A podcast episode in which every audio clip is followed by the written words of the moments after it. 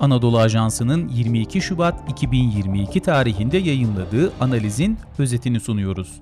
Ukrayna'da Gürcistan senaryosu. Yazan Profesör Doktor İlyas Kemaloğlu. Seslendiren Sefa Şengül. 21 Şubat akşamında Rusya Federasyonu Devlet Başkanı Vladimir Putin, Rusya halkına yaptığı seslenişte ayrılıkçı Donetsk ve Lugansk cumhuriyetlerini tanıdığını açıkladı. Her ne kadar Putin'in konuşması halka sesleniş olarak adlandırılsa da konuşma tüm dünya tarafından takip edildi. Kararın pazartesi akşamı olimpiyatların kapanışından sonraki gün duyurulması yaklaşık iki hafta önce Çin Devlet Başkanı Xi Jinping'in Putin'den radikal adımlar atmak için olimpiyatların bitmesinin beklemesini istediğine dair söylentileri de haklı çıkarmış oldu. Yine Rusya'nın Lugansk'la Donetsk'i tanıdığına dair kararın açıklanmasından önce Putin'in uzun bir konuşma yapması, akabinde hemen bu bölgelerin yetkilileriyle işbirliği anlaşması imzalaması, hatta bu anlaşmaya dayanarak Rus askerlerinin adı geçen bölgelere gönderileceğini belirtmesi, 21 Şubat akşamı açıklanan kararın aslında çoktan verildiğine ve bunun içinde hazırlıkların yapıldığına işaret ediyor. Rusya'nın elindeki koz, ayrılıkçı bölgeler. Ayrılıkçı bölgeler konusu genel olarak Kremlin'in yakın çevre siyasetindeki önemli kozlarından biri. 1991'den itibaren Moskova'da Gürcistan, Ukrayna ve Moldova örneğinde görüldüğü gibi eski Sovyet cumhuriyetleriyle münasebetlerinde bu faktörü aktif olarak kullanıyor. Ancak bu konudaki baskılar sonuç vermediğinde ve artık diplomatik yollarla sonuçların elde edilemeyeceği anlaşıldığında konuyla ilgili verilecek en radikal karar olarak tanıma kararı alınıyor. Donetsk ve Lugansk örneğinde de aynı senaryo uygulandı.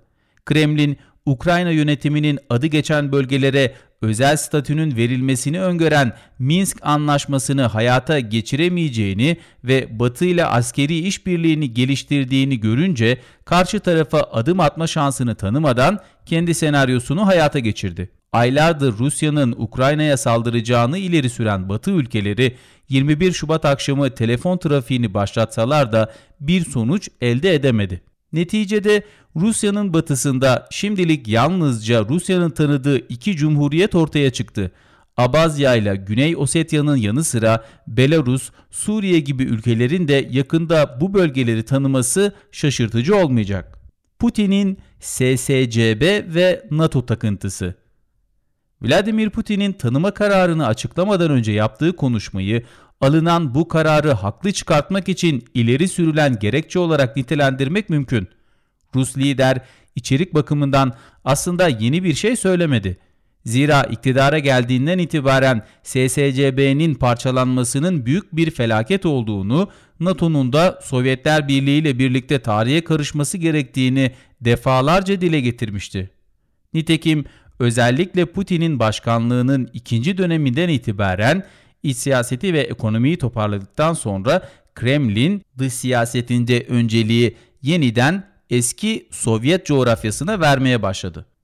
Bölgeyi bekleyen değişiklikler Tıpkı Abazya ve Güney Ossetya örneğinde olduğu gibi Donetsk ile Lugansk'ın tanınmasından sonra bu bölgelerle askeri yardımlaşmayı öngören anlaşmalar imzalanarak buralara da Rus askerleri gönderilecek.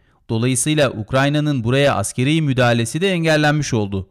Zira Ukrayna'nın askeri müdahalesi savaşın Ukrayna topraklarında yayılması ve yeni toprak kaybı tehdidi de taşıyor.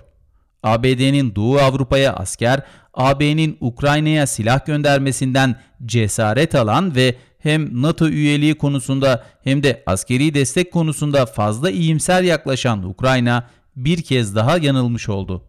Lugansk ile Donetsk Rusya ve birkaç ülke dışında kimse tarafından tanınmayacaktır. Rusya'nın bu yönde bir beklentisi de yok. Burası Batı ile Rusya arasında bir set rolü oynayacak. Moskova böylece NATO'nun batı sınırına yaklaşmasını da engellemiş olacak. Bu set Rusya'ya ekonomik olarak pahalıya mal olmakla birlikte Rusya zaten yıllardır bu bölgeleri besliyor. Kaldı ki burası kömür yatakları bakımından zengin bölgelerdir. Lugansk ile Donetsk'in bağımsızlığı yalnızca Rusya ve birkaç ülke dışınca tanınacak olsa da Ukrayna'nın toprak kaybı fiiliyatta resmileşmiş oldu. Halbuki Minsk Anlaşması'na adı geçen bölgelere Ukrayna devleti içinde özel statünün verilmesi e, anlaşması uyulması ileride Ukrayna'nın bu bölgelerde kontrolü yeniden sağlamasına imkan tanıyabilirdi. Şimdi ise Ukrayna Devlet Başkanı Vladimir Zelenski'nin 2024'teki seçimlerde şansı iyice azaldığı gibi Ukrayna her an yeni meydanlara ya da devrimlere sahne olabilir. Ancak şu bir gerçektir ki Rusya yanlısı bir iktidar dahi artık Ukrayna'nın bütünlüğünü sağlayamaz. Avrupa Birliği ABD ile birlikte Rusya'ya uyguladığı yaptırımları arttıracaktır. Bu yaptırımların şüphesiz Rusya'ya zararı büyüktür ancak aynı zararı Avrupa Birliği ülkeleri de görüyor. Asıl sorun enerji alanında Rusya'ya yaptırım uygulanıp uygulanmayacağı, Kuzey Yakım 2 projesinin iptal edilip edilmeyeceği konusu. Ancak son görüşmeler Rusya'ya şimdilik alternatifin bulunmadığını ortaya koydu. Bu alandaki yaptırımlar Avrupa Birliği ülkelerinde enerji kaynaklarının fiyatlarının artışına ve ekonomik krize de sebep olabilecek. Kaldı ki Avrupa Birliği Rusya'ya alternatif bulacağı dönemde Moskova'da enerji kaynak ihracatını Çin ve Uzak Doğu'ya yoğunlaştırmış olacak. Rusya'nın Ukrayna hamlesi ve Putin'in konuşması şüphesiz diğer eski Sovyet Cumhuriyetleri içinde bir mesaj içeriyor. Dikkat çeken hususlardan biri de Vladimir Putin'in Cumhuriyet liderlerini Moskova'da kabul etmiş ve kabul edecek olması. Nitekim Kazakistan Cumhurbaşkanı Cömert Tokayev Rusya'nın kendisine toprak bütünlüğü konusunda garanti verdiğini dile getirdi. Son günkü gelişmeler çerçevesinde Tokayev'in bu açıklaması daha iyi anlaşılıyor. Öyle görünüyor ki gelecek süreçte Rusya'nın Orta Asya ve Kafkasya Cumhuriyetleri ile işbirliği daha da gelişecek. Belarus'ta Birlik Devlet projesi hız kazanacak. Avrasya Ekonomik Birliği'nin üye sayısı artacak. Spotify, Apple Podcast ve diğer uygulamalar bizi hangi mecradan dinliyorsanız lütfen abone olmayı unutmayın.